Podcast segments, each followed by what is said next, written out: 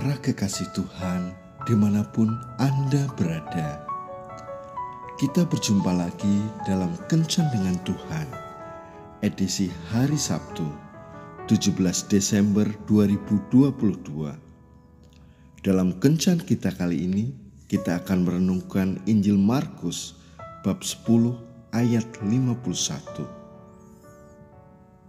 Tanya Yesus kepadanya, apa yang kau kehendaki supaya aku perbuat bagimu? Jawab orang buta itu, Rabuni, supaya aku dapat melihat. Para sahabat kencan dengan Tuhan yang terkasih. Ketika Bartimius yang buta berteriak-teriak di jalanan Yeriko, Yesus, anak Daud, kasihilah aku banyak orang mencoba untuk menghentikan jeritan hatinya, tetapi Bartimius berseru semakin kuat, dan ketika Yesus memanggilnya, ia menanggalkan jubahnya dan segera pergi menghadap Yesus. Lalu Yesus bertanya, "Apa yang kau kehendaki supaya aku perbuat bagimu?" Sungguh suatu tawaran yang indah, yang juga merupakan sebuah pertanyaan yang selalu Tuhan ajukan kepada kita. Tetapi sering kali kita tidak dapat mendengarnya karena kita tidak memiliki sikap hati yang benar seperti Bartimius. Bartimius memang memiliki mata jasmani yang buta namun, ia memiliki mata iman yang mampu menembus dinding keterbatasan untuk melihat kuasa Yesus tercurah atas dirinya. Sebaliknya, kita yang memiliki mata jasmani yang melihat, namun memiliki sikap hati dan mata iman yang buta, sehingga kita hanya berputar-putar pada situasi yang buntu. Mata iman yang buta akan mendatangkan kelumpuhan muksisa Tuhan dalam hidup kita. Untuk itu, marilah kita menarik hikmah dari sikap hati Bartimius sehingga mampu mengusir kebutaan rohani dan mengalami kuasanya di dalam hidup kita.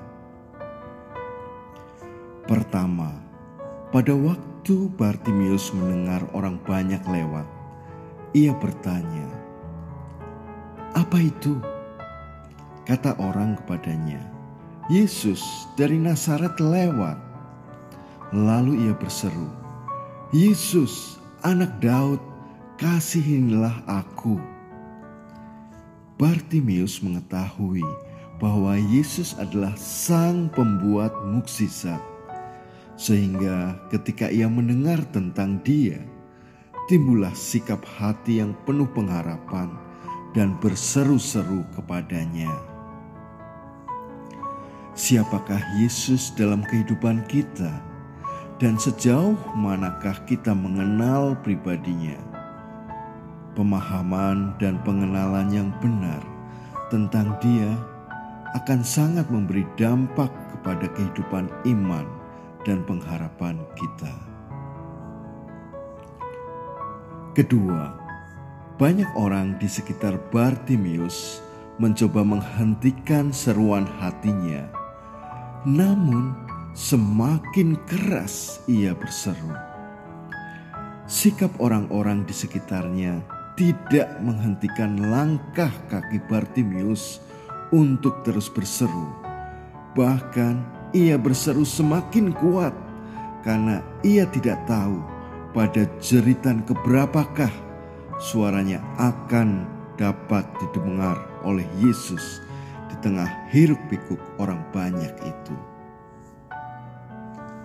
Hal apakah yang sering menghentikan kita menjerit di hadapan Tuhan Yesus?